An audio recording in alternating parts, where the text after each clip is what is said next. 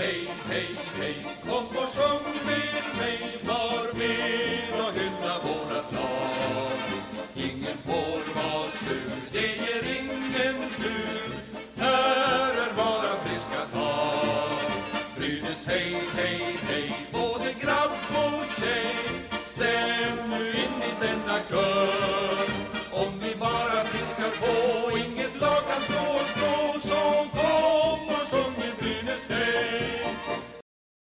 Välkomna tillbaka ska ni vara till årets första avsnitt av Brynäspodden.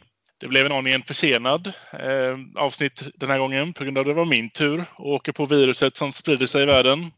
Mm. Som bekant så har ju Viktor, du har ju fått en släng av den tidigare under säsongen, men vi har båda repat oss tillräckligt och visst stämmer det att man inl- inlåter Brynäsåret 2021 på ett rätt gott humör.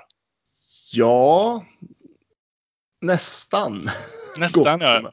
Ja, vi, vi inte jättegott men ändå smått gott. Eh, så. Eh, de två senaste matcherna jättegott men matchen innan dess inte alls bra och då pratar jag om Oskarshamn där. Men vi ska inte prata så mycket om Oskarshamn idag. Nej, jag tänker också att vi, vi förtränger den så bra som möjligt. Det har ju varit rätt många matcher sedan vi spelade in podd senast. Det har ju varit eh, ett bra tag. Vi har ju både haft ett avslutat JVM och, Mm. eh, och bra många matcher som har hunnit löpas på här. Men vi tänker att vi kommer inte kunna gå igenom alla dem. Vi har istället valt att gå och fokusera på de två senaste då, de mot Linköping och mot Djurgården. Precis, för det ska ju läggas till att huvuddelen av det här avsnittet är ju att vi har en lång intervju med Brynäs klubbdirektör Micke Campese som jag tänker att eh, ja, det är viktigare att man tar del av än matcherna som har varit längre bakåt. Ja, precis. Det är, det är passé i vilket fall. Så att eh, vi blickar framåt och det gör vi tillsammans med Campese. Precis. Eh, Men vi kan väl börja, vi går väl direkt in på eh, Linköpingsmatchen då. Mm. Ska jag, jag får ta en liten disclaimer här direkt. Och jag har ju varit rätt sjuk. Så att jag har inte kunnat, min analys, analytiska förmåga har inte varit på topp. Du, jag har full förståelse för det och jag vet inte hur det varit för dig, men när jag hade corona så alltså man hjärncellerna är ju inte riktigt med. Nej, Eh. de är inte det. Man är lite förvirrad och man är lite, ja, det är svårt att fokusera.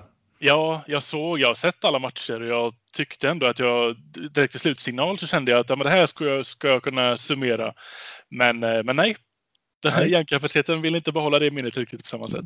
Eh, Nej, men det, det jag, alltså övergripande om Linköpingsmatchen var ju liksom att eh, man hade ju Oskarshamn-matchen i ryggen när man gick in i det här. Eh, Man ligger under med 2-0 och man fick ju någonstans en känsla att vad kommer det här ta vägen nu liksom? Mm. Håller Brynäs på att rasa? För det var ju liksom ändå, det, fan, det var ju liksom den känslan och stämningen runt hela Brynäs IF på något vis att, eh, men vad är det som händer? Eh, Men ska man ta med sig någonting här är det här att Brynäs vänder och vinner den här matchen. Ja, inom 60 minuter. Det är en trepoängare vi får med oss. Som vi, Det är tre poängar vi får med oss. det är faktiskt helt otroligt. Ja, och någonstans tycker jag liksom att det är där jag vill lägga fokus på den här matchen. Inte liksom att man, man inleder första perioden katastrofalt i princip. Eh, och Linköping tar en ledning och man tänker att nu kommer Linköping äga den här matchen. Linköping själva var nog ganska självsäkra när de gick in i en andra period. Samtidigt så har ju de en statistik i mittperioden som är bedrövlig. Eh, Men där är ju Brynäs desto bättre. Och jag tycker ändå liksom att det är häftigt att se att med Oskarshamn-matchen i, matchen i baken och man går in mot Linköping i grunden med 2-0 och lyckas ändå liksom att jo men vad fan vi ska ta det här. Ja, det är starkt. Jag, jag trodde inte alls man skulle kunna vända på det. Jag trodde man skulle kunna göra match av det. Eh, och kanske komma ikapp till lika mm, där man kan ta med sig en poäng eller så. Men, eh, men jag blev väldigt positivt överraskad över att man hade det drivet och den andra perioden. Att man kunde mata på så bra som man gjorde och faktiskt vända och vinna. Det blev ju också lite, det har blivit en del skriverier om vad eh, Jonas Junland fick ur sig efter matchen. De fick ju hem sin eh, junior till exempel. Vi har också fått hem våra junior- juniorer nu även om de inte har fått någon speltid. Men det blev lite snack efteråt där, där Junland ändå väl i periodpausen skyller det målet till exempel på, eh, eh, på sin junior. Ja, det var väl Kostmar va, som åkte på en utvisning Mm. där. Ja, jag ska väl jag ska väl också tillägga egentligen att man, man låg ju under med 2-0 i första perioden och sen så hade man ju 2-1 inför den andra perioden. Då. Mm. Eh, rätt ska vara rätt. Eh, men det var ju Kosma där som åkte på en utvisning och fick ju liksom ja, vad ska man säga, eh, motorsåg av sin egen lagkapten ja. inför hela svenska folket. Och hade en brynäsare gjort det, då hade jag gått i taket kan jag säga. Ja, det är inte okej. Okay. Inte alls okej. Okay. Eh, och men det vet ju jag, det skulle ju våra lagkaptener aldrig göra. Brynäs IF skulle aldrig göra något sånt. Det skulle aldrig accepteras i Brynäs IF. Nej, det tror inte jag heller. Och man får ändå ge Junland att eh, de är också inne i en tuff period och de har ju precis sparkat sin huvudtränare och det är ingen, eh, det är nog en del eh, en del tankar som svingar runt i alla i, eh, inom organisationen för Linköping just nu. Så sånt här kan väl slinka ur såklart om man inte tänker två gånger om. Men, men eh, med det vad ska man säga, även med det facit i hand så är det inte okej. Okay. Absolut inte. Eh, men jag tänker vi kan nästan gå vidare direkt till Djurgårdsmatchen. Mm. Skulle jag vilja, om inte du har något mer att tillägga om Nyköping. Eh, nej, det har inte. Djurgårdsmatchen var ju spännande. Mycket spännande eh, och där finns det ju mycket apropå eh, vad man ska säga offentligt. Jag tänker bland eh, Greg Scott vart ju en av något diskussionsämne där efter matchen om han. Han vart ju anklagad av Djurgården av att filma eller att vad ska man säga överreagera, förstärka.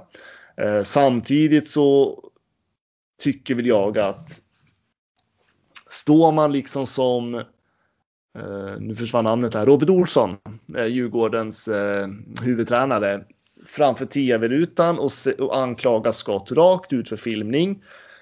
Och man står också i presskonferensen, man står kvar i sin... Alltså jag tycker det är så oprofessionellt. Ja, det är fult. Det är fult. Och i det där läget, liksom, och samtidigt så ser vi liksom att Greg Scott spottar blod. Han beskriver själv efter matchen att han får en tand lös till och med. Mm. Det, det är klart som sjutton, alltså alla vet att sargen är jäkligt hård och ansiktet är väldigt ömt. Mm.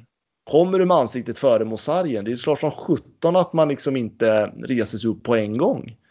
Eh, Nej. Sen, sen kan jag tycka att eh, Rhett Rakshanis utvisning kanske inte behövde vara matchstraff. Jag hade inte skrikit rakt ut om det varit en tvåminutare. Eh, det, men det är ju domarens sak att bedöma. Ja, precis. För det är fortfarande, oavsett vad, vad Djurgårdstränaren tycker om förstärkning eller inte, så så är det en, en tackling i ryggen. Det, det ska vara utvisning. Sen hur hård den blir, det är ju bara olyckligt för, eh, för Djurgården. Men det är såklart att han ska ut. Absolut. Och eh, jag menar, Rakhshani är ju ingen spelare som spelar så där fult heller. Det är ju liksom... Nej. Och det sa ju Greg Scott själv också efter matchen att det var en olyckshändelse. Det vart ju olyckligt på något vis. Eh, men det jag vill lyfta fram, om vi ska fokusera på Brynäs i det här fallet, man gör 3-0 i powerplay. Mm. Det var länge sedan ett Brynäs-lag gjorde i eh, en fem minuters powerplay. Ja, gud det var det. Eh, men just det här och där tycker väl jag det är lite intressant egentligen. Som djurgårdare hade man ju mer fokuserat på vad gör Djurgården i boxspace istället för att fokusera på att Greg Scott skulle filma. Eh, men Brynäs får ju 3-0 i sin långa powerplay och tar ju matchen därifrån. Men det är lite grann också som jag tyckte Campese sa väldigt bra i intervjun som vi kommer få lyssna på snart också att ja, men ta bort de där 3-0 så har Brynäs i princip ändå 3-1 vinst då, även om vi skulle ta bort de där tre målen. Eh, så att... Ja, den kan jag både tycka ja och nej på för det känns, jag tycker lite att målmässigt så tar Brynäs sin trepoängare i första perioden för att gå in med 3-0 i andra perioden sätter ju någon, någonting i huvudet på djurgårdare också och Brynäs spelar kanske på ett annat sätt än vad man hade gjort om det stod 0-0. Så är det ju absolut, visst är det så. Eh, men samtidigt så tänker jag alltså Djurgården hade väldigt många chanser ändå. Jag tycker alltså spel 5 mot 5 så var ju Djurgården ett bättre lag. Mm. I alla fall i inledningen av matchen. Sen förstår man ju att det här mentala och allting kommer så. Um, det var en konstig match minst sagt måste jag säga, men glädjeämne tyckte jag ändå, även om det varit en diskussion, var ju Greg Scott. Eh, han var mål, tvåbollsskytt Eh, bland annat. Han kommer tillbaka en skadefrånvaro och liksom leder det här laget på ett otroligt bra sätt. Mm. Eh, jag tyckte att han var, han var med i matchen. Han var, liksom, han var lite grinig emellanåt också. Ja. Ja, men lite så här taggad på något vis och ja, men det var kul att se. Det var många positiva saker att ta med sig från den matchen. Jag tycker bland annat att, um, att man kan se, att man fick se Patrik Berglunds frustration över att han hade chanser på chanser och han satte dem inte och att han, det var väl i tredje perioden när han hade ett så pass såklart eh, läge att, som han sumpade att han drog sin egen klubba, klubba i målramen efter att han hade missat den. För liksom den här ska han bara ha. Den, han ska få ha ett mål här. Mm. Och sen får han ändå sätta ett mål lite senare. Det, det, tycker jag var viktigt att han fick det. Och ändå få visa att han, han själv tycker att det är dags att sätta ner foten här nu. Jag ska göra mål. Ja, det är det han är värvad för. Eh, mm. så att, ehm, och det är otroligt viktigt. Eh, sen tyckte jag, alltså jag tyck, det, det, var ju också väldigt skönt tyckte jag att se Emil Molin göra mål. Um, och det var väl inte ens i powerplay han gjorde målet där va? Nej, det var hans andra. Ja, precis. Och, samt, och en spelare som Linus Ödund. Ja. Där, var, där var det ju powerplay då. Eh, men just Linus Ödund tycker jag börjar, han börjar komma igång nu. Ja, det gör han. Ja, men vi såg lite av det i mellandagarna. Sen var det ju kanske en liten svacka med hela laget. Eh, så, men jag tycker fan det, det finns något. Eh, sen om det kommer blomma ut i år, det törs jag inte säga och vad det kommer sluta. Men han har sina stunder. Ja, precis. Jag tror, inte, jag tror faktiskt inte heller det kommer blomma ut i år, men jag, vi vet ju om att han är med nästa år och att man har en långsiktig plan för honom. Så jag tror att det är, det är allt positivt mot Ölund just nu. Mm. En annan då, en, en sak också, det är ju Niklas Danielsson som fortsätter göra mål. Ja. Uh, I powerplay. Man han kan se att han är taggad alltså. Ja, ja, ja, han har ju ett bra skott. Men jag tycker det är ju de där, det är ju Niklas Danielsson, det är Greg Scott, det är liksom eh, Anton Rudin gjorde ju några assistpoäng också. Det är ju de där spelarna som måste leda det här laget nu och jag tycker Shane Harper tycker jag fortsätter vara bra. Eh, Chad Billings gör väl knappt något misstag. Mm. Eh, alltså det finns någonting där. Ja, det är, det är precis. Det var, jag är lite osäker på om jag tycker att om vi tar bort de eh, tre målen i powerplay, att 3-1 eh, speglar att, att, vi, att vi rättvist kunde ta 3-1. Eh, nej, nej, nej, alltså rättvist till 17. Djurgården var bättre i spel 5 mot 5 generellt Precis. över tid. Det håller jag Men med. därför var det ändå så skönt att veta att vi ändå får med oss de här matcherna. För effektiviteten vet vi ju, den finns ju i Brynäs. Och nu börjar det även se lite stabilare ut på, på, på defensiven och då har vi inte ens Bertilsson med oss. Nej, men precis. Sen är det, det är ju mycket återigen spel 5 mot 5. Det är mycket som inte ser bra ut. Eh, mm. Försvarsspelet är inte heller bra. Jag tycker det är många backar som behöver lyfta sig mycket, mycket mer än vad man gör och jag ser fram emot när Bertilsson är tillbaka naturligtvis.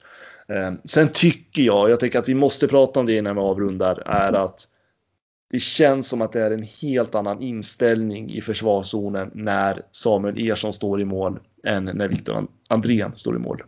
Mm, tyvärr ja. Jag tycker man också ser det på målvakterna. Det finns ett helt annat självförtroende i Ersson idag än vad det gör på, hos Andrén. Ja. Eh, och jag tycker vi behöver prata om det för att Ja, men om vi, vi går tillbaka till, vi skulle inte prata om forna matcher, men vi går ännu längre tillbaka till Leksandsmatchen. Eh, Leksand skjuter 60 skott mot Brynäs. Anledningen till det är ju för att det är Andrén som släpper ut returerna. Ja. Och det skapar ju någonstans en oro hos spelarna när målvakten aldrig fångar in pucken och där gör ju Ersson det mycket stabilare. Mm. Uh, och jag vet inte om det handlar om uh, alltså en tillfällig mental svacka för Andrén. Uh, han har inte vunnit många matcher den här säsongen. Nej, jag tror nästan att det är det, för vi vet om att han är en toppmålvakt i SHL egentligen. Men vi har inte sett någonting av det egentligen här i Brynäs. Jag tror att han bara haft en jäkligt tuff start på sin Brynäs, eh, sin Brynäs sejour, eller vad man ska kalla det. Så jag tror att han behöver kanske ha mer tid. Han kanske till och med behöver, behöver eh, få till nästa säsong på sig. Men jag tror att han, det, nej, den här säsongen är tuff för honom. Ja, och frågan är hur lång tid han kommer att ha på sig. Eh, vi vet att Ersson kommer ju när som helst lämna. Mm. Eh, Brynäs behöver förstärka på målvaktssidan. Är Andrén rätt val att bygga långsiktigt på? Det behöver, det behöver man ju fundera på. Mm. Eh, så jag vet, inte om det handlar om självförtroende eller om det är något annat. Eh, Andrén, det ska jag också tillägga, även i Växjö så var Andrén väldigt duktig på att släppa ut returer. Eh, jag gjorde en intervju med William Westerberg som bevakar Växjö åt svenska fans och han sa ju det att Andréns största svaghet är ju just att släppa returer. Det var ett problem i Växjö och det är problem här i Brynäs.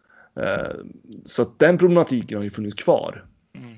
Så det, är liksom, det visste man när han kom till Brynäs. Men det är ju någonting, det sättet han, kroppsspråket, det är någonting som jag blir bekymrad över. Ja. Och jag, jag hoppas att jag har fel, men känslan man får när man tittar. Ja, det är inte, det är inte helt hundra är det inte. Och det är väldigt, väldigt synd för jag, jag gillar ju honom som målvakt verkligen. Men nej, i Brynäs-tröjan så har det verkligen inte gått hans väg hittills. Samlat Skellefteå-försvar, Jakob Silfverberg. Men, men vilket mål han gör! Vilket mål han gör, Jakob Silfverberg! Nu har han gjort flest mål i en SM-finalserie, i ett SM-slutspel genom tiderna. Men vilket mål han gör! Men då tycker jag att vi vässar öronen och lyssnar på vad Brynäs klubbdirektör Micke Campese har att säga. Eh, vi pratade bland annat lite grann om hans reflektion kring hur den här säsongen och hösten har varit. Eh, och eh, lite grann också hur man blickar framåt. Och det är både sportsligt, ekonomiskt och inom organisationen. Eh, det är en lång intervju, den är en timme lång, så jag slutar prata nu och varsågoda. Jag upplevde, upplevde ett skärmål med en jävla skitregel. Vet du fan som har kommit på de där jävla reglerna. Ja, då sitter jag här nu via länk tillsammans med Brynäs klubbdirektör Micke Campese. Varmt välkommen tillbaka måste jag väl säga till Brynäspodden. Tack så mycket. Det är alltid lika trevligt att vara med. Ja, det är jättekul att du är med. Eh, har du hunnit återhämta dig efter jul och nyår? Ja, det tycker jag väl. Sen vet jag inte i den här branschen så är man inte ledig så där jättemycket utan det händer ju saker. Så att nej, men det har varit jättebra. Det eh, finns ingenting att klaga på rent privat, absolut inte. Härligt. Eh, jag tänker att vi kanske går ganska direkt eh, på start tycker jag. Jag tänker vi börjar ungefär vid hösten 2020. Utifrån din position, hur skulle du vilja sammanfatta den? Ja, egentligen så hela coronagrejen. Alltså vi var, man var ganska ny in i corona då, så, så kan vi väl konstatera. Eh, det hade ju hänt lite saker i mars-april, men sen kom ju sommaren där och vi skulle starta upp verksamheten och ställdes ju ganska snabbt inför lite, lite jobbiga grejer. Att vi kunde ju liksom inte på något sätt träffas och bygga våra, våra olika grupperingar i Brynäs. Det handlar ju inte bara om lagen, utan man vill ju ha, vi har, brukar ju, eller har ju startat upp att vi har en kick-off eh, liksom på Furuvik tillsammans med personalen. Eh, lagen brukar göra sina grejer. Allt det här blev ju lite, lite pausat i, i någon mening så. Eh, eh, och man visste inte hur, hur kommer säsongen att se ut. Eh, vi visste det här med publiken, vi visste inte riktigt hur kraftigt det skulle vara. Eh, man satt med de olika prognoserna, så att väldigt, väldigt speciell eh, augusti, september, oktober. Jättespeciellt. Eh, får jag lov att säga. Eh, lärorikt, men det är ju ingenting man vill uppleva igen. Så. Nej. För det har ju varit en, sportsligt på här sidan ska man ju säga då. Ja. så har det ju varit en rätt tuff höst måste jag ju säga. Uh, både sportsligt under matcherna men också uppskjutna matcher mm. som kanske har varit den största frågan. Mm. hur, har liksom, hur har man hanterat internt i Brynäs? Ja, jag tror det, det, det är svårt. Va? Det sätter sina spår det här. Och jag tror ibland så tror jag att eh, det är svårt kanske utanför väggarna ibland att sätta sig in i vad, vad vi går med för funderingar hela dagarna. Eh, jag som har liksom levt med idrotten hela mitt liv och man tänker på, på lagen så att säga, vi tar här laget, att inte riktigt få träffas, att inte veta om man spelar, att få uppskjutna matcher i någonting som faktiskt är en uppbyggnadsperiod med väldigt, väldigt mycket nytt också. Eh, jag, jag kommer aldrig liksom att skylla på någonting jag kan bara konstatera att icke-corona hade hjälpt oss. Eh, det kan jag bara konstatera. Sen ska vi vara skickliga nog att hantera alla situationer. Eh, men det är klart att det är väldigt, väldigt speciellt. Det är inget snack. Vi började jobba hemma. Eh, vi har människor liksom i och kring, ja, egentligen alla lag, men, men i synnerhet här lag som reser väldigt mycket. Är väldigt nära coronasmitta hela tiden. Det kan, det kan sprida sig liksom att någon oro att man har någon anhörig som faktiskt är i riskgrupp eller vad det är. I, ibland så, så det där knyta näven och bit ihop för i helvete. Det, ja, det är fortfarande människor även i Brynäs. Eh, det får vi också konstatera. Jag tror inte att andra gör det bättre. Utan det är bara att vi vet ju vad vi gör och ni tittar på oss och så vidare. Va? Men det är klart som fasiken att spelare, ledare har känt att är det vettigt att åka runt och spela ishockey? Hur farlig är den här pandemin och så vidare? Eh, jag kände vid något tillfälle så att jag var rätt glad vid, vid något tillfälle att det blir rätt skönt att åka till Västerås för att där är det mindre smitta just nu. Och, och då ska man ju ha med sig att de här människorna åker runt och gör sitt jobb. Om man så är materialare eller massör eller vad man nu är. Va? Och, så jag, jag, har jävla respekt för vad människor känner i sådana här situationer. Det måste jag ha som arbetsgivare också. Jag kan inte bara säga fan ut och prestera för i helvete. Utan jag, jag, behöver någonstans förstå dem. Det har vi lagt mycket tid på. Hur mår man liksom? Hur känns det att åka ut? Dessutom så tappar vi matcher så pressen ökar ju på att liksom på något sätt spela in de här poängen i, i tappade matcher och så vidare. Eh, inget, jag skyller inte, jag bara konstaterar och mm. förstår de som är hos oss. Eh, och eh, det tycker jag, det tog vi vara på väldigt, väldigt bra i det här uppehållet som nu blev under december. Vi har jobbat stenhårt där och det eh, hatten av för, för alla där. Så, eh, och då menar jag inte mig själv, jag gör det jag kan, men, men övriga så. Eh, så väldigt, väldigt speciellt. Nej, corona har inte hjälpt oss. Vi hade behövt kanske att träffas ännu mer med nya tränare, nya spelsystem och det har liksom blivit åt andra hållet. Så det vill man ju aldrig ha tillbaka. Precis, eh, för att det var ju mycket prat där om eh, stänga ligan och så där i höstas mm. och mm. sen tog SHL något beslut om att, eh, att man skulle inte göra det. Mm. Och där var ju, gick ju du ut bland annat mm. man, sen senare under mm. hösten att ni ville mm. att ligan skulle stängas. Finns den där diskussionen kvar idag? Eller hur? Nej, men man säger så här, vi har samma hållning i alla våra frågor. Vi, vi svajar aldrig i frågor under mina år i alla fall. Jag kan inte svara för innan, men vi har alltid samma inställning. Eh, oavsett om vi ligger i tabellen eller tid på året så att säga. Eh, jag hade aldrig gått ut och sagt det där om det nu var december, om jag inte hade sagt det tidigare. Så Brynäs var för att stänga ligan innan också? Vi har sagt så här att hur blir det om det inte blir en sportslig rättvisa oavsett lag som är involverad? Om det är att stänga ligan eller vad det är, men att det känns inget bra. Eh, vi fick till nästan per omgående en worst case scenariogrupp i SHL. Det var vi som såg till att den blev, ingen annan. Och det kommer jag aldrig liksom att vika mig på en tum. Eh, jag tror att de som känner mig som person, så kan man tycka saker om mig, de har rätt att göra. Men också, jag viker väldigt sällan i min åsikt oavsett var mina lag eller befinner sig. Eh, sen har jag ett arbetsgivaransvar. Jag har ett ansvar mot er. Eh, jag har ett ansvar mot våra partners. Jag tyckte att det räckte, att det fick vara nog eh, när vi fick alla de här uppskjutna matcherna. Och jag sa också att jag vet inte om det ska stängas eller inte, men vi är på väg åt fel håll. Mm.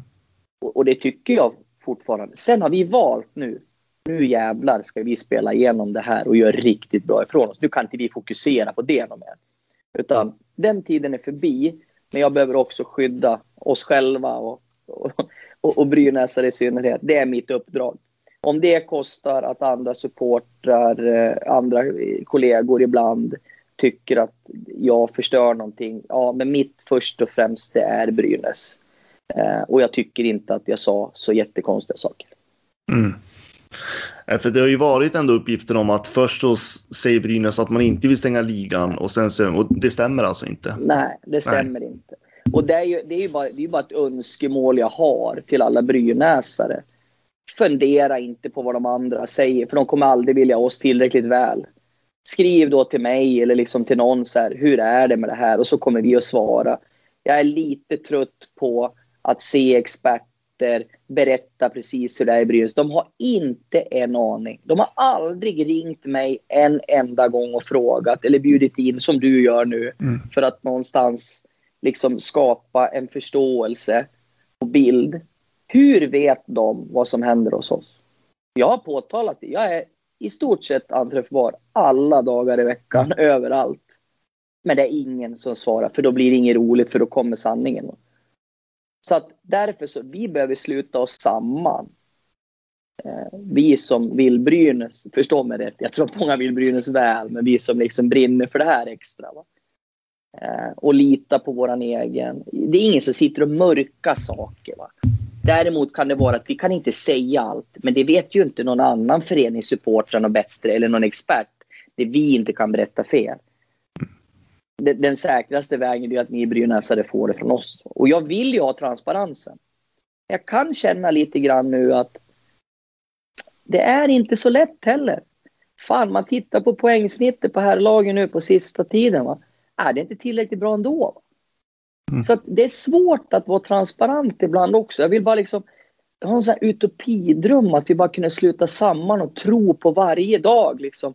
Ge det ett år så ska vi se vad som händer. Va?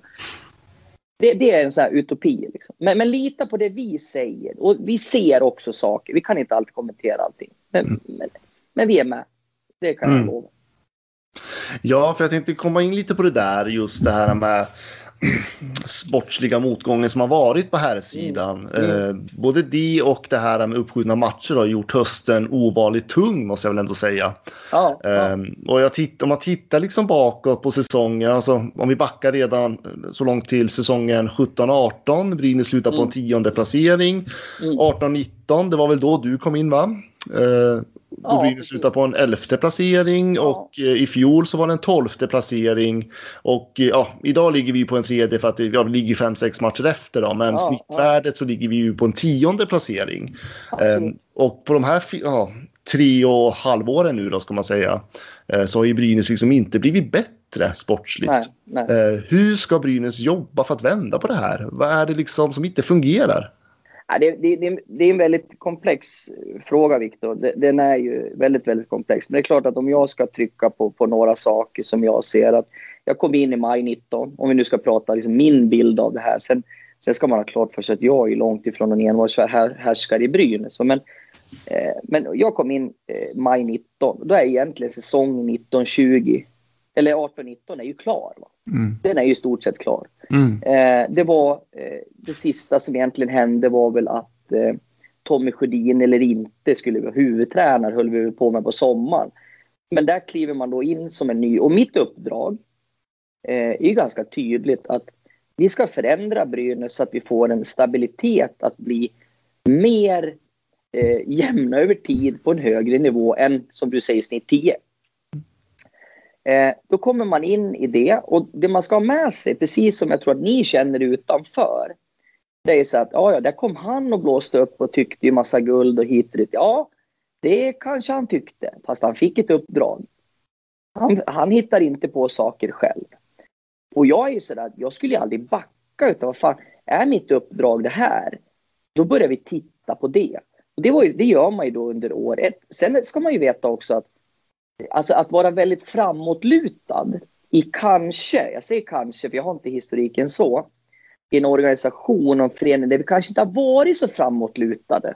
Kanske inte har vågat spänna bågen. Klart att jag fattar att jag blir någon udda fågel. Vet han vad han pratar om? Mm. Det är klart att jag begriper det. Men jag säger igen sen, när jag pratar med människor, för jag sitter inte på egen kammare utan jag försöker alltid söka, jag har sagt det förut, info från de som har lyckats och så vidare. Va? De som vill lyckas, men mitt inne i någonting. Då är det ju så här att säger du etta, då har du i alla fall chans att komma topp fem. Säger du fem, då blir du någonstans kanske neråt sju, åtta, nio. Va? Och säger du, jag är nöjd med kval, och det vet du fan om du inte hamnar i kval. Va? För att vi människor, det, det här är ju forskning hur hjärnan funkar. Det är ju inte Micke Campes eller någon annan. Så där står jag fast vid att vi behöver bli mer framåtlutade, våga tro på saker. Sen tillbaks till din fråga, så är det just det jag är ute efter att när man är i en förändring och det blir en ytterlighet kanske till hur vi har resonerat, hur vi har pratat och så vidare. Det är klart att man då ser att fan, det här går ju inte. För att nu har det ändå gått sex månader. Ja, men det är också så här att alla människor som är i och runt Brynäs måste också få en tid att anpassa sig till någonstans det nya. Ja, vi kanske, kanske skulle ha varit lite mildare i vissa saker, säger inte det. Men samtidigt också så här, ja, men vi behöver också ställa saker på sin spets. Vi har pratat om kultur. Ja, det är inte skitlätt när du har en hel sportavdelning som har jobbat på ett sätt i kanske fem, sju, någon tio år. Och jag säger inte att de har fel. Men så kommer du in där och så vill du göra någonting på ett annorlunda sätt. Och det är människor som är där. Det är människor som har ett kontrakt eller en anställning och så vidare. Jag har varit ganska tuff och fått ta tuffa beslut eh, att minimera vår organisation. Jag har varit med och tagit bort ganska många människor. Det gör ju också att det skapas en osäkerhet hos människor som är kvar. får man inte heller glömma. Det är inte bara att jag kastar ut folk och ändrar, nu jävlar är det grejer på gång. Jag har ju kvar de som är där som behöver känna ett lugn och trygghet. Gjorde han, styrelsen, ledningsgruppen rätt nu så att vi kan bygga vidare? Va? Och, så jag skulle säga lugn och ro. För att år två, om jag, om jag säger så, men någonstans fick ärva år ett. Eh, jag då som ledare i Brynäs. För någonstans fick jag ärva år ett. Och det är min chans att liksom skapa med någon form av bild av det här hur ni supportrar funkar, hur det ser ut internt, är vi för många, är vi för få, vilka möjligheter har vi att dra in pengar, eh, restaurangen, behöver den utvecklas och så vidare. Så, vidare. så kommer ju liksom eh, år eh, två för min del och någonstans är vi fortfarande inne i den här förändringen. Där kan jag känna att aj, där hade jag kunnat vara lite vassare, lite mer på. Då ska man också veta att jag har ju också respekt för, för många som har gjort saker och som står för saker och så vidare. Va? För det har jag sagt till dig tidigare också att ha, går jag fram för fort eller någon annan klubbdirektör, ja, då är inte det bra heller. Va? Då står man ju på torget med bocken som jag brukar säga brinner. Va? Så att det är en jäkla balansgång. Och jag är helt övertygad om att det Brynäs behöver medel utav mig och andra människor. Alltså skit i oss, vi kanske är rätt eller fel. Men det Brynäs som förening behöver, det är en samlad bild att tro på framtiden tillsammans. Det är helt avgörande. För jag vet att spelarna läser. För de vet vad historia, tradition och, och tryck i Brynäs är. De följer allt det här. Jag garanterar att Patrik Berglund kanske ibland funderar, är ändå nummer två i poängligan i här laget. Och rätt många tycker att jag är värdelös. Mm. För så är det. Det är klart att Patrik ser det. Mm. Ja, borde han klara av det eller inte? Ja, kanske. Fast kanske inte varje dag. Kanske inte varje dag. Eh, jag är 47 år, jag bara väver in mig igen, själv igen. Jag är 47 år. Jag har, jag har levt idrott hela mitt liv. Jag har varit eh, jag ska säga, liksom påhoppad, kritiserad. Jag kan hantera det då. Men jag kunde inte när jag var 35. Det kunde jag inte. Idag kan jag sortera. Äh, nu skiter jag Nu orkar jag inte läsa mig. Nu backar jag undan. Mm. Eh, jag gör så gott jag kan och så vidare. Dessutom ska vi veta att om vi tar fram snittåldern på vårt lag. Det är klart att de känner trycket. Fan, det är en ynnest att få spela i Brynäs. Men det är också jäkligt, jäkligt tufft. Mm. Eh, och det här behöver vi balansera. Eh, så att det jag tror att Brynäs behöver är att våga gå den långsiktiga vägen. Det kommer inte vara spikrakt. Men det, som, det värsta som skulle kunna hända föreningen nu, det är att det blir kaos. Mm. Det vore fullkomligt... Då skulle jag säga så här, då skiter jag det här utifrån att jag vill inte se Brynäs behöva gå den vägen. Är det någon gång det behövs lugn och ro? Och jag tror att vi är någonting på väg. Jag kan inte sitta här och lova nu, för nu pratar vi om här laget. För det är återigen väldigt mycket annat som går bra i Brynäs. får man aldrig glömma. Som är helt avgörande också för att vi ska kunna ha ett herrlag. Mm. Eh, så att är det någon gång i ekonomi, i sportsliga sammanhang och så vidare, så är det nu vi behöver sluta samman. Mm. Eh, kanske passa oss lite grann vad vi säger. Eh, gubbarna där nere, de vill vara nära er, men de kanske inte heller klarar det. Sen får man tycka vad man vill om det. Mm, ja men precis. Eh, och det är ju det är väl som alltid beroende på sammanhang också. Det är ju lättare i framgång att liksom sticka ja. ut hakan. Ja. Eh, I motgången så är det ju liksom, man är ju inte mer än människa. Nej, men och, där tror jag, och det har du helt rätt i. Och, och där kanske är någon, någon styrka som, om, om jag ska säga till mig själv att jag, jag, må, jag får alltid frågan, mår du bra? Jag mår bra. Jag mår bra. För hade jag mått dåligt nu, då hade Brynäs gjort en jättefel rekrytering. Det hade varit fullkomlig katastrof. Mm. Eh, nu kanske är bara en liten katastrof, kanske någon tycker. Men, men, men alltså, jag mår bra, jag är där. Eh, jag försöker gå in varje dag, liksom. jag försöker bemöta. För jag tror på det vi gör. Mm. Jag, Ja, om vi skulle, jag tycker om vi skulle kunna, kunna gå in det där lite i din roll i det här. För att eh, det är ju många som liksom eh, tycker en massa och liksom, och det var lika idag inför den här intervjun med dig. Mm. Så la vi ut att vi önskar folks frågor och sådär. Och det är ju mycket där, det kommer ju in på det här. Fast man kanske ber om frågor till klubbdirektören så får Ja. vi väldigt många frågor som kanske en sportchef ska svara på. Liksom, ja. eh, med värvningar och med sporten, hur man jobbar och sådär. Och det jag tänker, kan, man, kan vi klargöra lite grann så här, vad är din roll i det här med en sportslig motgång och allting kontra Micke Sundlövs roll i det här? Nej, men det, det är ju så här att Micke, Micke har ju ansvaret för herrlaget. Eh, Mm. Så är det ju. Sen finns ju jag alltid som... Vi, vi, vad ska säga så här, vi, vi jobbar... I synnerhet som vi har startat om nu så jobbar vi väldigt mycket i team va, för att liksom stötta varandra. Men till exempel, så här, jag berättar ju för Micke till exempel om jag pratar med Peter Andersson så inte Micke känner att jag går bakom ryggen på honom. För, för det kan inte jag göra. Va? Utan, men däremot så kanske jag sitter med Micke och Peter för att säga hur känner ni grabbar? Liksom, vad behöver ni nu för hjälp? Eh, vi hade en sån situation med, där vi ville ha in eh, en väldigt senior, ny, stark, eh, mental tränare och ledarskaps... Eh, eh, ja, vad ska jag säga, utbildare liksom, på något sätt.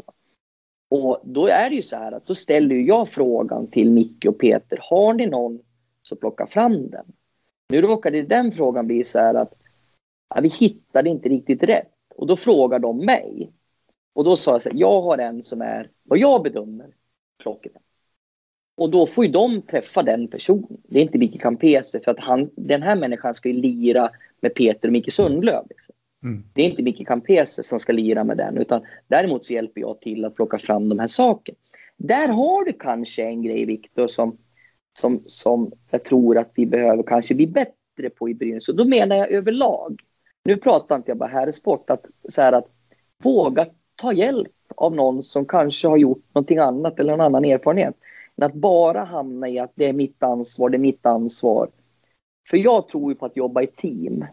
Jag tror inte på att man, man jobbar i stuprör.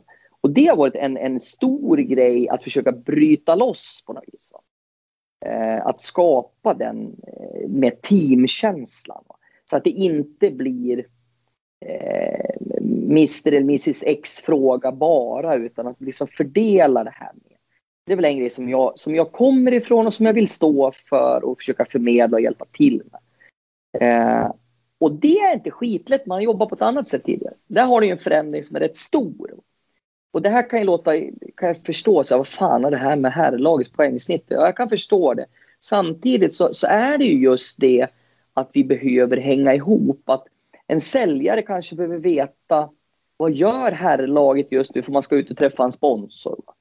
Istället för att liksom lägga någon ostkupa på varje avdelning. Att liksom förmedla de här sakerna. Har du inte haft det så tidigare så är det inte bara att. Det är inte det. Va? Mm. Så att jag finns alltid som ett stöd. Jag försöker, trots mig, jag har ett enormt engagemang i det jag gör. Eh, och det vet jag, det är väl en av mina styrkor. Eh, om jag får säga själv och det andra säger. Så, men jag försöker också i min, mitt engagemang inte springa förbi en Micke Sundlöv eller vem det nu kan vara, Henrik Glas eller Rickard Graham. Utan mm. försöker liksom stötta upp dem istället. Och det är också en process att, att, att, hitta så. Jag tycker att uppehållet har gett oss också tid så det inte bara varit negativt. Mm. Vi har kommit närmare. Vi har pratat en hel del saker som har varit lite tabu eh, i olika grupperingar. Eh, och jag kan väl bara säga så här. Jag får ju ofta frågan så här. Eh, nytt kontra gammalt. du förstår lite vad jag menar. Mm. Ja, vad är det enklaste att lösa det? Ja, det är att sätta nytt och gammalt ner och säga hur vill vi ha det framåt? För Brynäs bästa. Sådana saker vi kunna jobba med. Där alla medlemmar av de möten, de olika mötena, för det är inte bara ett möte, går ut och säger så här, fan vad skönt det är när man verkligen pratar med varandra. Precis. Då är vi där igen, att jobba i team, att få fram de sakerna. Kan man tycka, borde ha gått mycket snabbare. Ja, men det här är en, en kraftfull förening. Mm. Kanske ja, en topp två kraftfullaste föreningarna i Sverige. skulle jag säga.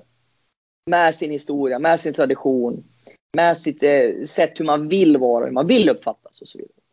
Men påverkar, jag tycker för du pratar ju mycket om att just det här med historien och Brynäs IF som förening, att det påverkar ju spelare väldigt mycket.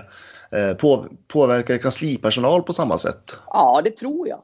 För att vi, vi någonstans så hänger vi ihop. Eh, och, och jag, jag, får ju luta mig mot lite grann och, och, sitta och titta, prata med de som har varit med lite förr när jag inte hade möjlighet och sådär. Jag hamnar ju liksom i att, nu ska det kommer ju folk att skjuta mig kanske, men när var det riktig ordning och reda senast? Där hade vi en stabil grund att stå på. När var det då?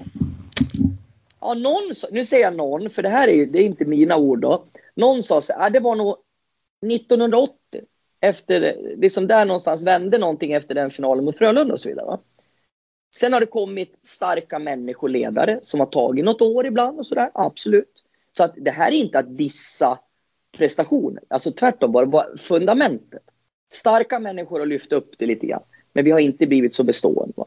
Sen kan du historien bättre än mig. Jag, jag börjar lära mig det, det mesta, tror jag. Men, liksom, men du förstår lite. Mm, mm. Mm. Och utan att skydda mig själv eller någon annan så kan jag väl konstatera att hur såg det ut före 17? Ja, det, alltså 1980 nu, alltså det kanske var 2012. Alltså om man bara vrider. Mm, där någon mm. sa att då var det ordning. Ja, det, jag vet att mellan 2008 och 2012 så gjordes ett jätte jättejobb för man Mm. var i kris. Man var i kris, observera. Eh, och så liksom blir det inte riktigt bra. Och så kommer det ett gäng 2017 som från ingenstans gör ett makalöst jobb.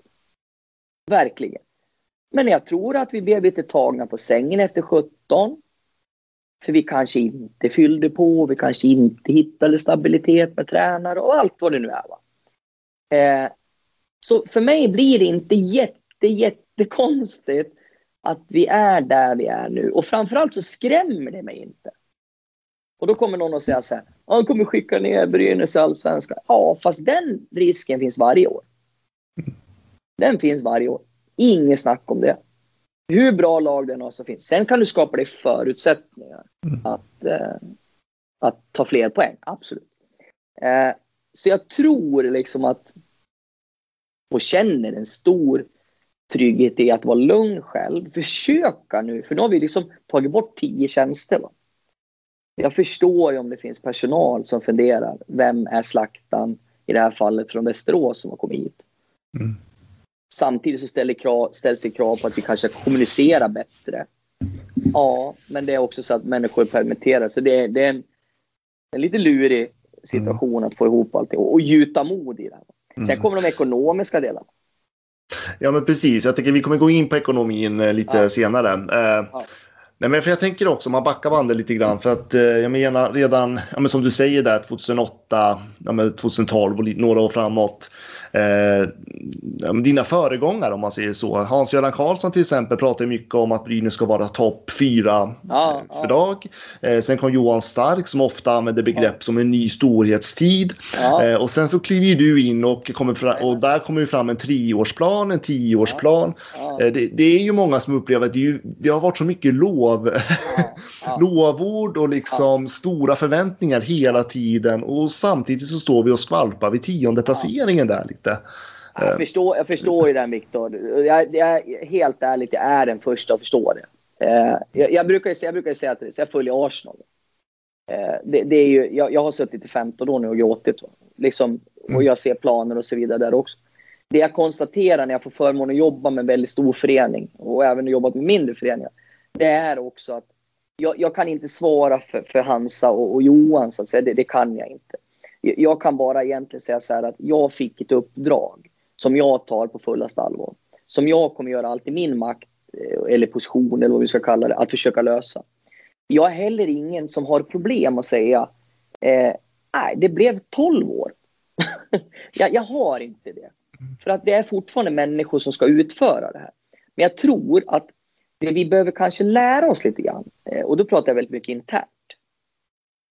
Det är att leva under press. Det är ett privilegium också. Det är ett privilegium att ha tagit sig till en position där man får leva under press. Och det där är inte skitlätt att bara ta till sig när det är unga människor vi pratar om. För mig är det, tror du det, det är ett privilegium att bli ifrågasatt, att känna pressen.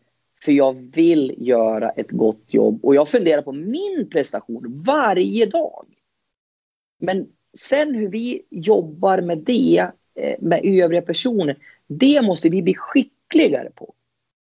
För det handlar ganska lite om spelsystem i slutet av dagen. Det handlar om att vara mest påkopplad, att våga ta skottet och, och så vidare och så vidare. Att våga visa glädje, att våga visa rädslor. Och det är det jag tycker vi har jobbat fantastiskt bra i och kring herrlaget nu under, eh, under uppehållet. Eh, där våran eh, nya Gunnar, som han heter, fantastisk eh, resurs.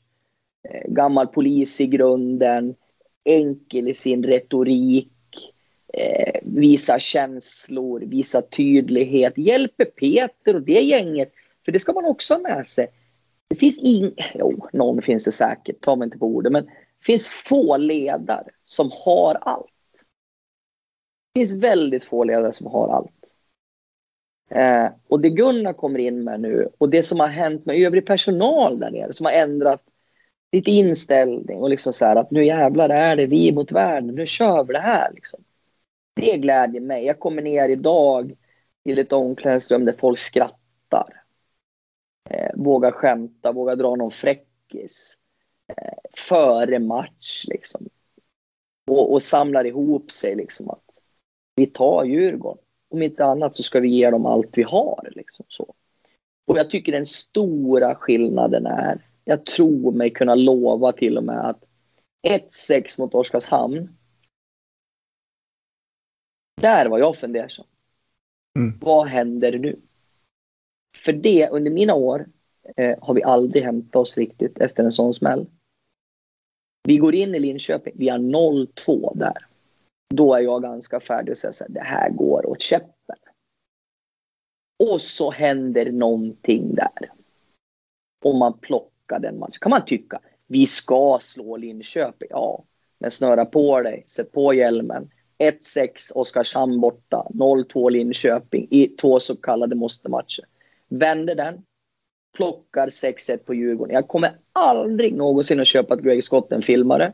Vilket innebär, jag skiter i utvisningsminuterna. Vi vann i alla fall matchen med 3-1. Så vi, mm. kan ta bort, vi kan ta bort utvisningarna. Mm.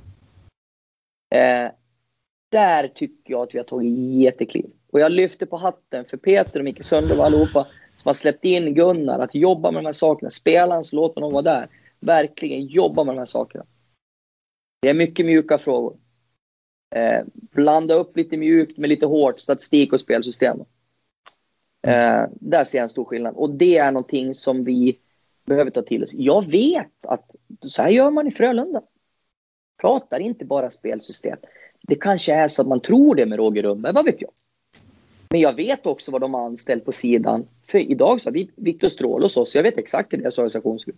Det, det Roger inte kan, det finns andra som fyller i. Mm. Och, det är en styrka att till slut kunna öppna det som människor säger jag behöver hjälp. Uh, så där ser jag en förändring. Det vill jag ska kunna sprida sig, sitta kvar nu. Det är inte i väggarna, det är i människorna. Mm. Att sitta kvar, att prata om rädslor, att våga säga det. Fan, jag mår inte bra i den här situationen. Hjälp mig. Och att det sen sprider sig vidare, för då kommer vi skapa ett lugn. Eh, någon kommer säga att jag är flummare. Ja, fast det är forskning. Säger jag då. Det är forskning. Ja. Det kan jag hålla med om att det är. så, för, för, men det är, ju, det är ju ofta det här med de här mjuka värdena. Jag tänker ofta på det också. För det är ju lätt här, för oss andra utifrån. Det är ju de här, det är ju de här äh, statiska värdena som vi ser. Det är ju statistiken vi ser, det är matchen vi ser, det är det som händer på isen som vi ser, hur spelarna agerar och sådär. Ja. Sen den här mjuka delen som inte varken vi eller media eller någon annan egentligen ser. Mm. Där sitter ju ni ganska själva egentligen. Ja, det är klart vi gör. Och, och jag förstår media för det är inte så roligt att prata om det. Det säljer inte lika bra. Jag förstår det. Jag förstår deras uppdrag. Jag har alltid gjort. det. Men det jag menar, det jag kan titta på är så när vi täcker skott idag, då jublas det på bänken. Mm. Det gjorde inte det mot Oskarshamn. Sen plockar vi tillbaks det. Va? titta lite grann på några klipp nu. Va? Jävlar, man är glad. Va? Man är glad tillsammans. Man är besviken tillsammans. Det är inte bara frustration, utan det är också en klapp på axeln. Det finns någon bild när, när Patrik Berglund eh, klappar på Johan Alsen som inte mm. gör mål så jätteofta. Va? Och så zoomar de in och så sitter Patrik där och så bara ser han slänger över armen på Johan. Jag tror att det var så. Eh, det är klart att det värmer Johan att prestera, alltså att prestera bättre. Va? Kommer en kille med 11 säsonger som själv har varit ganska utsatt och, och kritiserad och lyfter upp nummer 14. Va? Och jag förstår att det, vad hamnar man som supporter? Va? Det, det, det är skitsvårt och vi föds med statistik, statistik, statistik. Det gör vi. Och vi är mycket bättre på det idag, vi är Anton Hansson också. Så vi, fan jag har en kvartalsrapport som var magisk från våra tränare. Va? Som är mm. siffror ta med fan rakt av. Men jag frågade en sak. Hur mäter vi det mjuka? För det är den enda parametern vi inte har. Va? Och där någonstans började liksom tankegångarna. Och jag kan säga så här, nyförvärv idag som jag har sett, det lilla jag kunnat vara runt det här nu, har gått med någon tryckt stämning. Så här? Fan, de är glada idag. Jag tycker Adam Pettersson har varit grym på slutet om jag ska ta ett namn. Men han spelar ju fram Emil sist också om jag inte är helt ute och cyklar. Va? Liksom helt plötsligt så, det är, ju en Adam som har tagit steg. Liksom, förstår du? Man börjar titta så. Va? Så att jag förstår frustrationen. Fan, jag sitter med den varje dag. Va? Mm. Men jag behöver väva in det här mjuka. Hur mår de? Vad kan vi bidra med mer för att må bättre även i motgång? Va? Vad de gjorde på bussen mellan Oskarshamn och Linköping har inte en aning. Nej. Men jag är jävligt tacksam för det de gjorde. Och det är klart att någon ledare, några stycken ledare har tagit tag och säkert några starka spelare. Ja, det är ju mycket socialpsykologi i det här. Liksom. det är ju, eh, och det är ju liksom en arbetsmiljö på något vis. Ja, jag tänker att jag tror att alla kan vi gå tillbaka till sitt jobb och tänka liksom när mår man som bäst på jobbet. Ja, eh, så att, men det glömmer man ju bort. när man tittar på. Så är det ju. Man, har, man har rätt att glömma bort det också för man är supporter. Jag, jag säger aldrig att man inte får glömma bort det. Ibland så önskar jag bara att eh, om vi vände oss lite grann, att blev lite mer med, så tror jag att det kommer att ha en effekt. Va? Ni behöver inte köpa in på allt som jag säger och att allt luddigt. Och så. Det är inte det jag säger, men det har en påverkan. Eh, det har det och det sprider sig över hela. Och då kommer du tillbaka till egentligen det vi har pratat om från början. Det, det är ju liksom att jag kommer in med ett nytt uppdrag. Jag förstår att ni kanske säger ja, ja, nu kom den till här. Ja, jag fattar det också. Jag är helt med. Och jag vänder det till Arsenal igen och säger nu kommer han in efter Wenger, nu blir det bra. Och nu kommer Arteta in och så blev det inget bra. Och nu ser jag att nu har det hänt någonting med Arteta. Ja, men liksom sådär. Om jag nu tar Arsenal som, det är ju de som jag följer närmast om jag säger. Så man, ja, de är större än oss, men, men på ett sätt så är det fan med samma dignitet. Mm. Eh, och undrar vad det är. Det skulle man ju vara en fluga på väggen. Men då börjar jag titta på deras ledord. Då är det victory through harmony, alltså segra genom harmoni. Och någonstans så ser ju våra ledord också liksom. Ja, glädje, engagemang. Liksom. Ja, om det inte är det rakt igenom, då blir det svårt. Mm. Uh, är jag ute och cyklar eller inte? Nej, jag pratar med de som, som utvecklar organisation och ledarskap. Så har jag rätt i sak? Det kan ha tagit för lång tid. Ja, jag säger inte emot. Eh, men jag tänker inte ge mig i att människor ska må bra för att orka prestera. Eh, sen kan jag misslyckas. Jag gör fanns förmodligen fel saker varje dag. Men någonstans vet jag också att jag gör rätt saker. Eh, och vad bygger jag det på? Är jag bara, är jag bara någon jävla självgod människa? Nej, jag, det är jag inte. Utan jag bygger saker på fakta. Det ringer människor i idrottsbranschen och det är inte bara från hopp och, det kan jag bygga upp någon trygghet till mig. Eh, att jag kanske är på rätt spår på något sätt. Och fråga, Micke, fan du har varit med länge. Eh, mm. hur, fan, hur fan ska vi göra här? Och det var väl någon stor fotbollsklubb som var ute och hade lite tufft här för ett tag sedan. Det ringde en, en lirare som jag känner sedan förr och så här, du fan, har du läst om oss? Och liksom, inte aktiv i föreningen utan ganska nära utanför. Eh, och det bygger jag på att man skulle nog kanske inte höra av sig om jag var helt fel i allt. Liksom så. Eh, och det försöker jag förmedla också, att den kunskapen vi plockar in, det är bra med människor utifrån. För att när man har fastnat i någonting, alltså fortsätter du att gräva där du grävde igår, så gräver du där idag också. Då är du på samma ställe och gräver. Men det krävs lite grann att ta sig upp från den gropen och börja gräva på ett annat ställe. Mm. Så att jag tror att när det kommer folk utifrån så här. Eh, vi har fått kritik att vi tog in eh, det här bolaget som hjälpte oss med publikfrågan. Sånt ska man kunna lösa själv. Ja, det är mycket man kan själv, men man blir hemmablind. Vi ökade publiksnittet med nästan 1000 personer, alltså 17 procent. Både människor och pengar. Eh, vi får in en jävligt stark Gunnar nu som vågar möta upp oss och säga så här, men vet ni vad? Jag i det här. Jag har forskning bakom mig. Ni har faktiskt inte rätt i det här. Mm. Vi behöver justera det här. Jag tror att ju mer vi vågar vara så, att liksom ta in den kunskapen och inte tro att vi kan allting själva. För det kan vi bevisligen säga att vi inte klarar riktigt. Alltså. Det ska vi väl konstatera. Mm. Eh, det här med statistiken. Eh, vi började eh, liksom titta på det tills vi insåg att ja, men någon måste sköta systemet. Ja, det finns en ung kille som heter Anton Hansson. Fan, han ska vara påläggskall, driven, jobba satan. Va? Suveränt. Då hittar vi rätt både med system och person. Mm. Så. Eh, sen, ja, jag hade ju inte önskat heller att vi låg etta, naturligtvis. Eh, men jag tänker inte, i synnerhet inte i den här situationen, gräva ner mig. Aldrig. Nej. Um, för det är ju vi är ju i ett tufft år. Eh, alla ja. föreningar är ju det utifrån pandemin. Eh, och Brynäs har ju, precis som du nämnde tidigare, ni har ju varslat personal. Eh, spelare har gått ner i löner tidigare. Mm. Ni har tidigare, 2020 då, så har ni permitterade ju personal. Mm. Mm. Hur ser läget ut för Brynäs just nu? Vad är prognosen för den här säsongen? Ja, nu ska vi se, måste vi tänka tillbaka lite. Vi, vi var ju faktiskt i sånt illa läge ett tag så att det var minus 40 miljoner. Mm. Det började där någonstans. Ta mig inte, om det var 38, jag minns inte, var, när det var som värst så att säga. Mm. Och då har ju vi valt hela tiden att inte räkna in statliga pengar och liksom, utan vi har försökt att vara i det här att vara transparent. Jag skulle nog säga att vi har varit bäst att vara transparent, att inte mörka någonting. Mm. Eh, sen hade vi en här när vi gick ut med 28, 29 tror jag det var. Eh, det senaste som har gått ut. Nu vet jag att vi är någonstans 24-25. Eh, så. Mm. Och det är er förtjänst med pappgubbar och privatpartners och eh, stödbiljetter och allt vad det är. Eh, det är statliga bidrag, ja. Eh, det är lönesänkningar, ja. Då är liksom allting inräknat nu. Sen har vi sagt så här att det vi behöver göra nu det är någonstans att hamna på max minus 16 miljoner. För det är vad vi har eget kapital. Där vi mm. inte är obestånd. Va? Men med det inte sagt att ju mer, för det första ska man ha jävla respekt för 10 miljoner. Vi kommer att överleva även om vi går minus 20, absolut.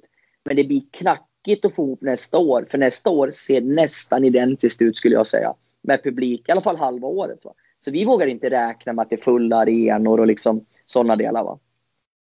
Så att för varje krona som vi tillsammans nu kan komma till 16, minus 16 eller gärna då minus 10 och är vi plus minus 0 är det ju helt fantastiskt. För då har vi ett ganska gott år att gå in eh, Så jag har en stor, stor förhoppning att vi kommer att klara minus 16. Och då har vi gjort, tillsammans gjort ett jävla jobb, ursäkta grekiskan, eh, tillsammans. Va? Men då är det också viktigt, kanske om jag bara får återigen säga utopi, att det är inte ofta jag får mail där någon säger att nu skiter jag i att vara medlem. Alltså det är inte ofta. Men jag fick ett från den här, och jag har en jätterespekt i hans långa mail till mig och jag försöker verkligen besvara så mycket jag kan. Då sa jag så här att du kan vara besviken på mig, på vem du vill, spelare. Men att du inte vill vara medlem, det kommer inte att hjälpa Brynäs. Mm. Att du vill visa din aggression, ja jag förstår det. Och din frustration kanske i synnerhet, jag förstår det. Men det kommer aldrig att hjälpa Brynäs. Eller att kanske så här, jag har tänkt så här, fan, men jag kanske ska visa att jag köper stödbiljetter, jag har gjort hela tiden. Men fan, jag lägger ut det. Så här, fan, jag bryr mig på riktigt. Mm, liksom. Mm. Jag tar lönesänkningar, fan, jag ska förmodligen skänka semesterdagar. Fan, jag köper stödbiljetter, liksom så. För att hur man än, jag kan ju också vara irriterad på att någon har missat mål eller vad det är. Jag kan inte sluta göra mina handlingar för då har vi ett jätteproblem. Och det är väl en sak vi skulle behöva sluta samman kring. Att vi sitter tillsammans på möjligheten att så, ha ett så bra nästa år som möjligt. Det gör vi. Oavsett om man kan Mm. bortse från att nej, det har inte gått som vi vill. Men vi är inte heller klara med säsongen. Sen är vi så här att ja, allting ska väl stå helt rätt om vi ska göra en fantastiskt bra säsong. Men utifrån läget så tror jag att vi har en stor möjlighet att göra en bra säsong sportsligt och ekonomiskt om vi sluter oss samman. Och då är det återigen så här, för de som vill och kan, det säger jag alltid. Man ska nu inte liksom springa på sms-lån. Utan har man möjlighet, man kanske hade varit på arenan ändå, köp gärna en biljett eller två eller vad du nu kan. Mm. Det kommer att fälla avgörande. Framförallt för framtiden. Ja, för man har ju sett det är väl bilden. ja, för man har ju sett på sociala medier, jag tror särskilt där förlusten mot Oskarshamn tror jag det var många som skrev ut liksom att man, man är besviken på tränare, enskilda spelare, en, Ja, enskilda ja, individer och så på någon, det blir någonsin det här bes- bestraffningstänket lite grann att ja, men då säger jag upp mitt privatpartnerskap här nu då. Eh, men, ja, men det är lite som du nämnde det här. eh, om man ser det i större perspektiv, klubben är ju större än individen. Eh, Det är ju Brynäs IF som jag tänker att det är, det är ju Brynäs IF alla bryr sig om. Ja. Men, men det, det jag ska säga är det, att jag tycker att man, alltså kritik och, och liksom saklig kritik, det måste man kunna ta. Alltså det, det, det är viktigt att säga. Va? Eh, sen när det kommer kanske liksom till individer som kanske inte är lika starka, så de tar åt sig. Oavsett om de har möjlighet att vara hockeyproffs eller inte, va? de gör det. Liksom. Och jag, ibland så kan jag känna så att, vad fan, kör på mig då. Jag, jag, jag är så pass gammal idag och är ganska trygg i mig själv. Liksom, att jag tar gärna, liksom, riktar mot mig då för fan. Alltså, men men vilken fan, samtidigt, vilken fantastisk känsla för mig. Om så här, ja, du skrev någon gång så här, vi kanske skulle börja tro. Jag vet, du skrev någon krönika för. Mm, mm, Eller så var det någon annan på Svenska fans. Va? Och mm. jag känner så här, och för fan om vi, var, om vi nu är 500 000 eller vad vi nu är. Tänk om vi bara trodde i två år, allihopa. Bara så här, vi bestämmer oss, i två år så tror vi på någonting. Liksom. Ja, det är klart att även jag skulle gå till jobbet och känna att alla i ryggen. Vem fan ska stoppa mig nu? Va? Och kunna gå till företagen och säga så här, vet, fan, alla är med på det här tåget. Ska inte ni vara med då? Fan, skicka in lite till. Nu jävlar liksom på ren svenska. Va? Men okej, det- vi får jobba på den. Va? Men, men liksom...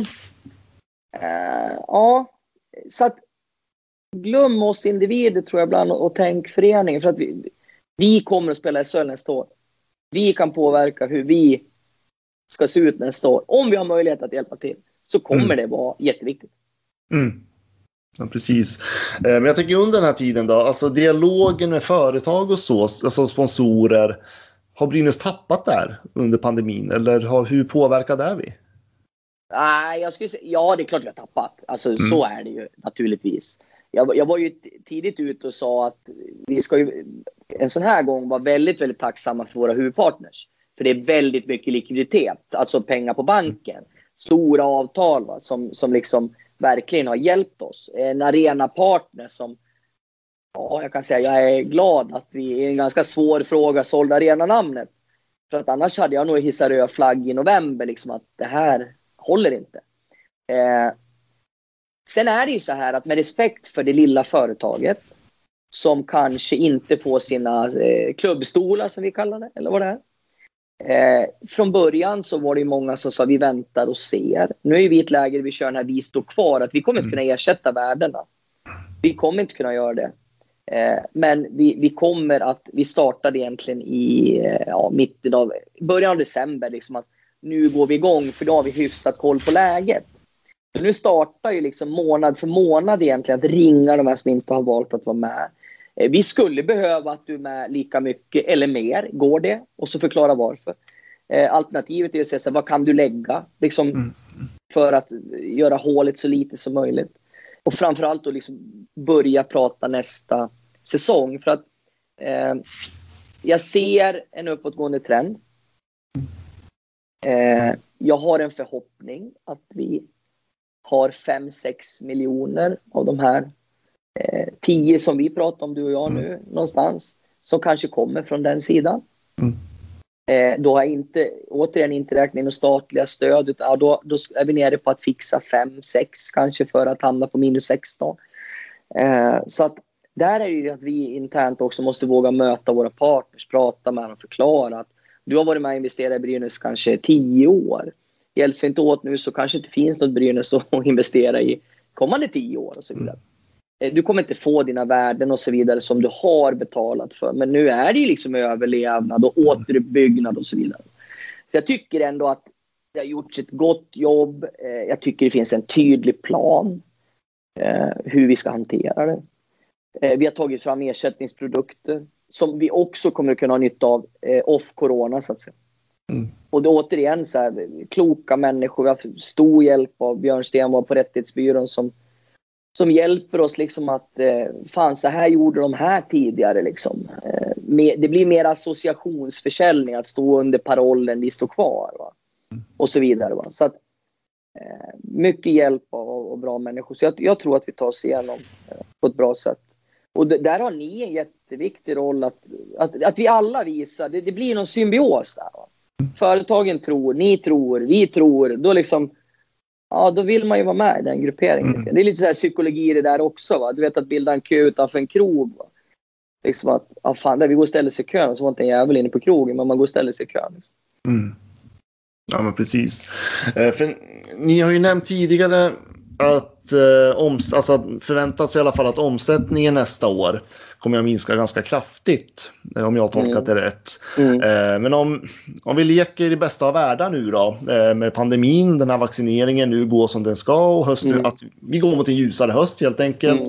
Eh, säg att vi får ta in full publik efter halva säsongen i alla fall. Mm. Eh, alltså, hur är förutsättningarna för Brynäs IF? Hur snabbt kan man vara tillbaka så att säga? Liksom tillbaka till där man var innan det här kommer... För det är ju ändå mycket pengar som går förlorade. Ja, ja, ja, ja. Nej, men det är klart att det är det. Och nu är det ju så här att det, här, det finns ju några som, som liksom har, jag ska inte säga jagat, men varit på om det här med organisation och så vidare. Och det är ju som jag har sagt, att den organisationen vi hade, för man får börja där, mm. eh, den var ju bestyckad för att omsätta kanske 180-185 miljoner. Så är det. Mm. Eh, det skulle vi ha klarat av. Eh, hade vi tagit oss längre på, på här laget så hade vi varit i de nivåerna. Va? Eh, så att vi var lite för stora för att ligga på 160-165 där. Lite, lite för stora. Men samtidigt så här, när jag tar bort nu 10 tjänster, eller ja, vi tar bort 10 tjänster, så ser vi också att det drabbar oss för att leveransen är i stort sett lika. Mm. Oavsett om de omsätter 120 eller 160 170. Alltså, det blir nästan lika. Va? Eh, det är några sådär som man kan göra. Det vi har möjligheten nu. Tyvärr då så har människor fått lämna oss. Och om jag man blir lite krass då, mm. så har vi också möjligheten att bli mycket effektivare. Eh, rent organisatoriskt, om du tar en organisationstavla, så, så ser vi ganska lika ut för att vi ska kunna putta in en människa. Men det är kanske så här att jag just nu driver den kommersiella gruppen, så att jag har två roller. Liksom, mm. eh, jag är inne lite grann liksom, och driver sportgruppen. Jag har tre roller. Nej, det går ju inte att ha en klubbdirektör som har tre roller oavsett vem det är. Va? Så, så det måste vi liksom hantera. Men i det ekonomiska läget så kanske vi måste se ut så i alla fall halva nästa år. Eller, det får vi se. Mm. Men det är också ett väldigt bra läge att titta på nya arbetssätt. Eh, att digitalisera oss mer internt. Och så vidare. För att kanske någonstans plocka bort en, en, en människa där vi hade en människa förut. Och kanske addera en människa där det verkligen behövs istället. Och så vidare. Så vi kan ju syna oss själva på ett väldigt, väldigt bra sätt. Eh, så jag skulle säga att vi kan bygga tillbaka oss ganska snabbt. Mm. Det tycker jag. Så det finns rätt goda möjligheter att vad eh, ska jag säga, bygga om då? Kan man säga så? Ja, i all på något sätt liksom sorg för det blir det när människor lämnar en. Alltså många har varit, några har varit med länge och så vidare. Så blir det också en möjlighet och jag vet att det här låter för jävligt, men, men det blir det. För du har inget val heller. Du måste hitta en annan väg att gå. Eh, och det kanske vi mår bra av om jag nu får vara väldigt eh, vd-aktig här då och eh, lite krass. Eh, sen, sen lider jag med, vissa tar ju en uppsägning på ett bra sätt. Eh, andra gör det inte. Eh, man lyckas som, som ledare, chef, bra med vissa avgångar. Man lyckas mindre bra med andra. Eh, stor sorg för mig eh, personligen. Att självklart lär jag mig saker och tror ibland att tillsammans med dem jag jobbar med att nu blev det rätt, men så blev det inte det för just den personen. Mm. Eh, och, och, det är en sorg. Eh, för jag är inte kallhamnad eller någon annan i Brynäs på det sättet. Det, det är vi inte. Vi, vi är ju ganska humanitära skulle jag säga. Men det är svåra tider. Eh, så att det finns det är en god möjlighet för oss och den ska vi se till att ta. Med stor tacksamhet till dem som har fått lämna. Mm, mm. Eh, jag tänker om vi, vi kan ju avsluta, avrunda lite grann tillbaka till den sportsliga delen då, rent Ja. ekonomiskt. Ja. Eh, för jag tänker att eh, man går ju mycket tankar när man, man läser om att omsättningen kommer minska, Ja, att eh, Brynäs bud, budget minskar generellt. Eh, Samtidigt så ser man ett Brynäs som fortfarande ligger där vid 10 års, eller 10 år, 10 placeringsstrecket. Kommer det finnas resurser till att liksom stärka laget ytterligare till nästa säsong? det, helt ärligt, det, det är ju en jättesvår fråga, Viktor. Alltså det är ju, det beror ju liksom på vad vi lyckas med, återigen då tillsammans. Men, sen har jag det yttersta ansvar, men att, att vi på all, alla som kan kan bidra. Det, och det är det jag menar, att vi äger ju lite vår egen framtid. Och jag kan inte själv trolla med knäna så att vi har en god ekonomi, utan det är ju vad ni runt omkring säger och, och tycker. Det, det är ju så det är. Liksom. Eh, vi har gjort vad vi kan internt med lönesänkningar och som du säger själv då varsel och uppsägningar. Och, och det var ju, alltså varsel och uppsägningar handlar ju väldigt mycket om nästa år. För att vara bestyckade för ytterligare ett tufft år. Och de kostnaderna tar man ju det här året. Va? I och med att man säger upp nu. Men det är ju för att vi ska inte gå in i för stor kostym nästa år. För att kunna satsa vidare. Eh, så det var ju definitivt en sån aktivitet. Sen har ju vi, nu minns jag inte om det är exakt 16 eller 17 spelare eh, på, på kontrakt. Eh, men det är klart att vi har ambitionen att stärka lag. Eh, Sen om det behövs mer pengar till det eller inte, det kan man också diskutera. På. Eh, Men jag tänker, men om vi pratar risker, finns det en risk att det blir en lägre spelarbudget? Ja, alltså minus 20 miljoner och prognoserna säger minus 20 miljoner även nästa år. Det är klart att det är så. För då är ju föreningen minus 40 miljoner på två år och då är vi i obestånd. Kraftigt obestånd. Eh, sen är det ju upp till oss att försöka hantera det här. Jag, jag kan väl tro och hoppas, för, för vi är bara en i leken. Men jag kan väl tro och hoppas att kanske löneläget förändras. Det har vi sett om inte annat nu när vi har plockat in spelare många arbetslösa och så vidare. Så att jag kan väl tro och hoppas att vi kan stärka laget ändå, om jag säger så. Då. Eh, vi har en, idag en, en, en god spelarbudget med fansens värvning som stöttning och så vidare. Vi är, sen vet vi korrelationen över tid. Men jag tror att i, i, i corona och pandemi så kommer löneläget att bli lite annorlunda. Där skulle man ju kunna önska liksom att alla tänkte lika så. Eh, jag, jag säger inte att man ska bilda karteller, men jag säger bara att tänk om alla tänkte lika då. Skulle ju hjälpa oss en del, såklart. Mm. Vi, vi kan ju bara göra vårat, men liksom, ja. Så att jag, jag har inget riktigt bra svar. Vi kommer göra allt vi kan för att ha ett slag, eller slagkraftiga lag, ska jag säga. Mm. Det, det är inget snack om det. Och därför så skär vi ju lite grann, och jag vet inte om det blir mer, men på övrig organisation för att gå ner minimalt där för att vi ska kunna spela ishockey. Så är det. Och faktiskt kunna addera eh, vissa saker till. Då. Eh, så vi gör allt vi kan. Ja, det återstår ju att se då hur förutsättningarna blir helt enkelt. Det är ju... Ja, det tror jag är för alla. Och jag kan väl känna, vi var inne på det kort, bara säga det. Jag tycker att vi har varit väldigt transparenta med vår situation. Jag vet inte om mina eller våra kollegor har varit lika transparenta kanske. Eh, det finns en risk med det, fast jag gillar ju den ärligheten. För då har du någonting att ta ställning till och någon annan. Liksom. Ja, ja, men så. Ja, men så är det. Och det- är ju när man pratar, pratar, i alla fall när jag pratar runt med folk så är det, ju- det är man ju ändå ganska tacksam över. Eh, Att, eh, jag, jag tror brynäsare generellt har ju mer koll på vad som händer i Brynäs IF än vad andra lagsupportrar har koll vad som händer i deras föreningar. Eh, och- Det tror jag också. Jag älskar ju det engagemanget. Det är, det är balansen här. Att, att ta den. Jag menar alltså, det intresset. Och så tänk om vi kunde få hela det intresset att bara tro på saker. Ja, men så är det. Mm, mm. Eh, är det någonting som vi inte har pratat om som du tänker att du skulle vilja förmedla? Nej, men det man Precis. kanske kan ta, Viktor. det var- Jag, jag läste ju någon fråga där och det är det här en, en in och en ut och sådär. Mm, Var ju uppe en, såg jag du hade fått någon fråga. Va? Och, just det.